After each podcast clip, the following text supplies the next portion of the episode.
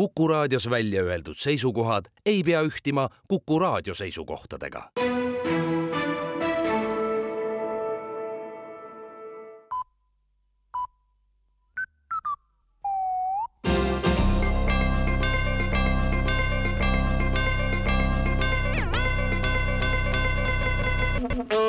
tere kuulama uudiseid stuudios Rohke Debelak Venemaa välisministeerium annab teada, et Balticconnectori gaasitoru remondi venimine aprillikuusse on vastuvõetamatu. Venemaal on õigustatud ootusi, et gaasitoru remonditakse kiiresti ja siis saab selle jälle ära lõhkuda, nagu plaanis oli, kuid remondiga venitamine seab kõik vajalikud plaanid kahtluse alla. protsessi kiirendamise huvides on Venemaa pakkunud ka omapoolset abi toruühenduse remondiks, kuid seni ei ole Soome ega Eesti isegi seda nõus olnud tunnistama, et torujuhtme lõhkamise taga oli Venemaa ja riigid venitavad jätkavad kogu protsessi täie mõnuga, märgitakse Venemaa välisministeeriumi noodis veel energiast. Eesti Energia annab homsest alates klientidele võimaluse, juhul kui elekter on neil taas tuule tõttu kadunud, tulla ja tarbida vajaminev kogus elektrienergiat otse elektrijaamas kaasa saab võtta kõik oma triikrauad, pesumasinad, ahjud, pliidid ja toimetused elektrijaamas korda ajada ja nii ei pea kodus elektrit ootama ja samas võrgutasusid maksma.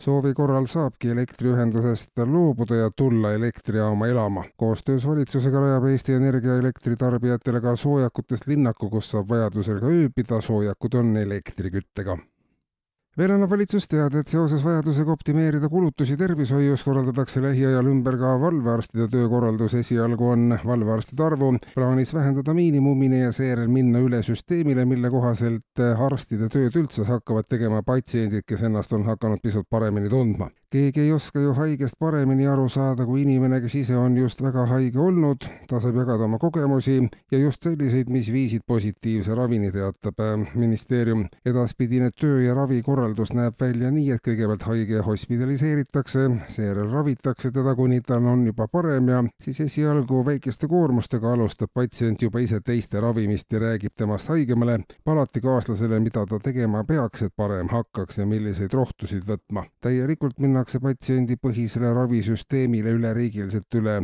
hiljemalt kahe tuhande kahekümne kuuendal aastal.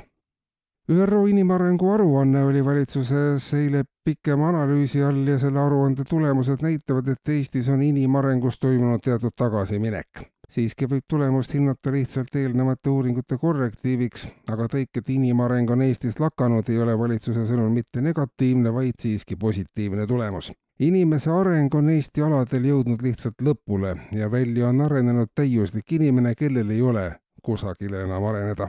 Teistel riikidel, kes tabelis Eestist ees, areng lihtsalt veel jätkub. täielikult lõpuni välja arenenud täiuslik inimene ongi olnud ju riigi üheks eesmärgiks ja sisuliselt on see eesmärk saavutatud valitsus prognoosib, et huvi täiusliku inimese vastu toob lähiaastatel Eestisse suure hulga kogemuste näljas välisinvesteeringuid. kuulsite uudiseid